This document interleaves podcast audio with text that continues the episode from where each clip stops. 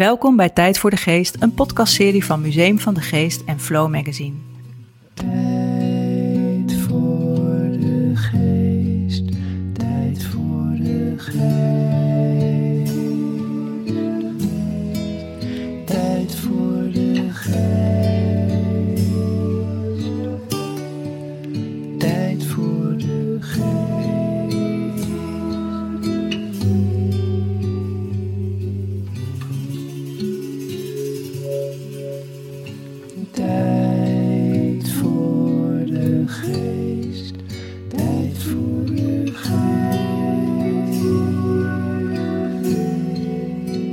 Mijn naam is Karine Hoenderdos. Ik ben journalist en host van de podcast Tijd voor de Geest. In Flow delen we verhalen over andere keuzes maken. Over creativiteit, klein geluk, langzamer leven en over hoe je goed voor je geest kunt zorgen. In deze serie Tijd voor de Geest luisterverhalen lees ik er een aantal aan je voor. Dit verhaal heet Een maand lang alles lopend doen en is geschreven door Caroline Buis. Ze merkte dat ze door alles wandelen te doen een frisser hoofd kreeg en dat er met elke stap ideeën kwamen opzetten. Hier komt het verhaal.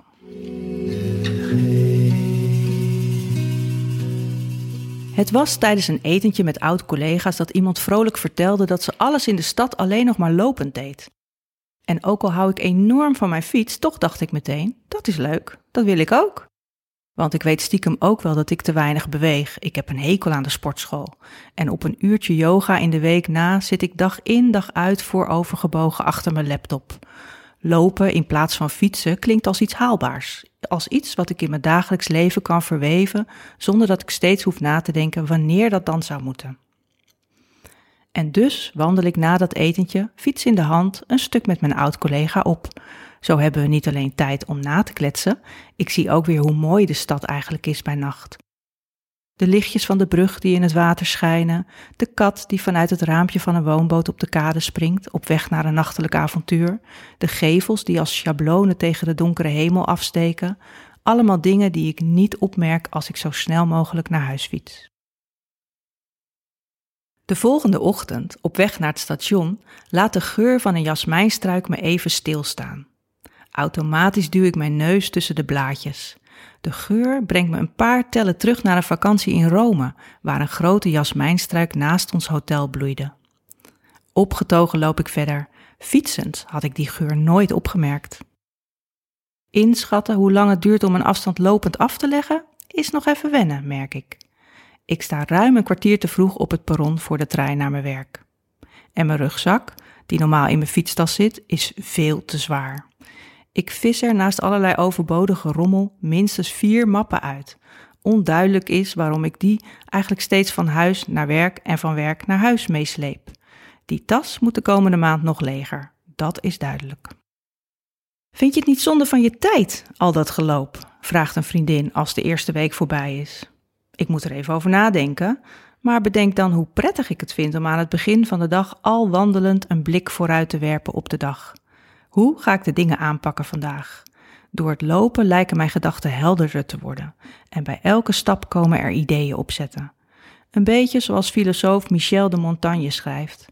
Mijn gedachten sluimeren als ik ze zittend heb, mijn geest werkt niet goed als de benen hem niet in beweging zetten.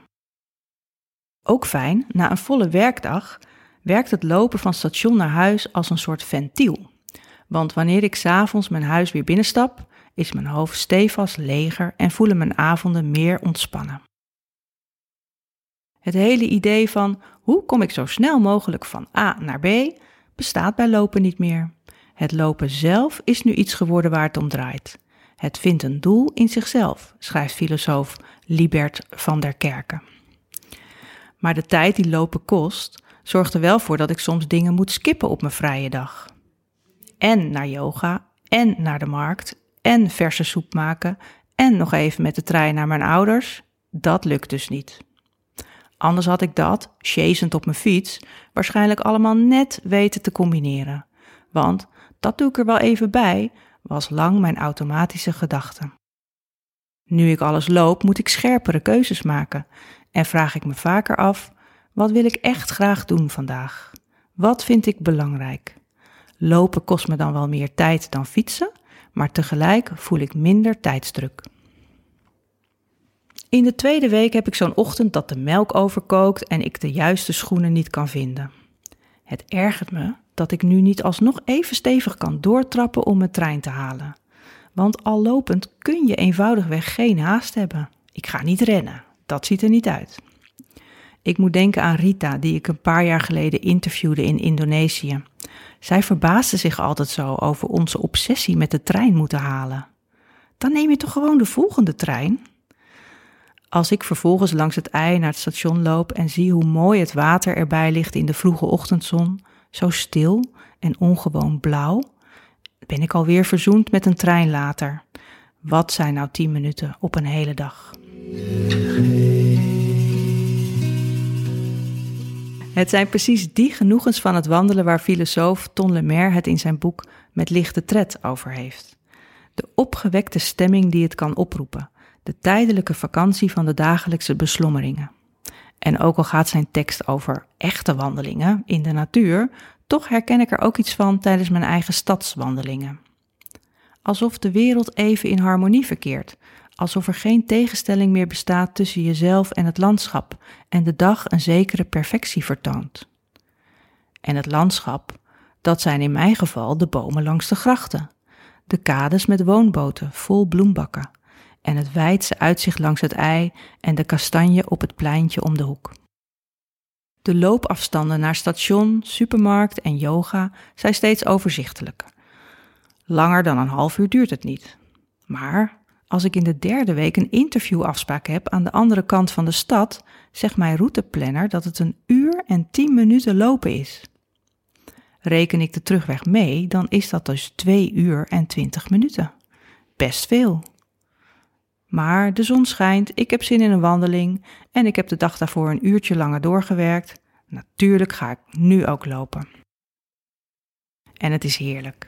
Ik loop door straatjes waar ik met de fiets niet kom, omdat het anders niet opschiet. En ik merk dat ik me lopend minder aan de vele toeristen erger. Ze schieten nu niet voor mijn wiel de straat op. Dat je als voetganger wat minder een verkeersdeelnemer bent, brengt dus ook rust. Wanneer ik na het interview naar buiten stap, komt de regen met bakken uit de hemel. Als ik in de verte de tram zie rijden die in de buurt van mijn huis komt, besluit ik te spijbelen. Maar halverwege, in een tram vol stinkende regenjassen, heb ik alweer spijt. Ik stap uit om de rest van de weg lopend af te leggen. En ik bedenk dat dat ook een goede oplossing kan zijn voor lange afstanden. Half tram, half lopend. Regen, regen, regen. In de vierde week lijkt het nooit meer droog te worden. Waar ik anders in de weer ben met regenbroeken en jassen, trek ik nu gewoon mijn winterjas aan. En ik vouw een grote paraplu open. Als ik zo op de vroege zaterdagochtend door de stad loop en het nog stil is, zorgt het geluid van de regendruppels op mijn plu ervoor dat het lijkt alsof ik knus in een tentje zit. De fraaie mozaïeke tegels in de portieken, de gele herfstbladeren die in hoopjes tegen de randen van de stoep zijn geblazen, de weerspiegeling van de bomen in de regenplassen. Er is haast geen detail dat me tijdens het lopen ontgaat. Ik heb geluk dat mijn maand precies in de overgang van twee seizoenen valt. Er zijn zoveel kleine veranderingen op te merken. De geveltuintjes herbergen de eerste weken nog uitgebloeide judaspenning, stokrozen en fluitenkruid, maar zijn dan ineens kaal. De tulpenbollen zijn geplant. En dat elke boomsoort op een ander tijdstip zijn blaadjes verliest en vooral de ginkgo het wel heel lang volhoudt, is sowieso nieuw voor me. Gisteren liep ik voor het laatst vanaf het station naar huis. Vandaag zijn mijn vier weken om. Ik merk dat ik me net steeds meer begon te verheugen op die stukjes te voet. Naar de bios, een etentje, de kroeg, soms alleen, soms liep er na afloop iemand mee die dan stevast ook enthousiast werd. Zelfs lopend boodschappen doen is prima.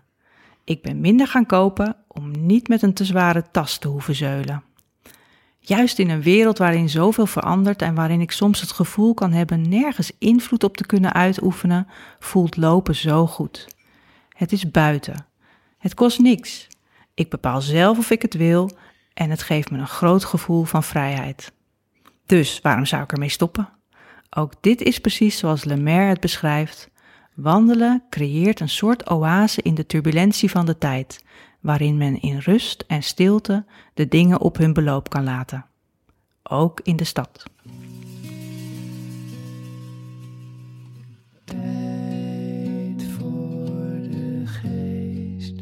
Je luisterde naar Tijd voor de Geest, een podcast van Museum van de Geest en Flow Magazine. De producer is Jonne Cerise en de tune is van Spinvis. Wil je meer weten over het museum, over deze podcast of over Flow Magazine?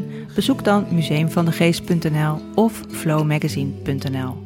Abonneer je op deze podcast bijvoorbeeld bij iTunes en laat een review achter. Of deel deze podcast met vrienden en familie, zodat zij ook eens tijd maken voor hun geest. Tot de volgende keer.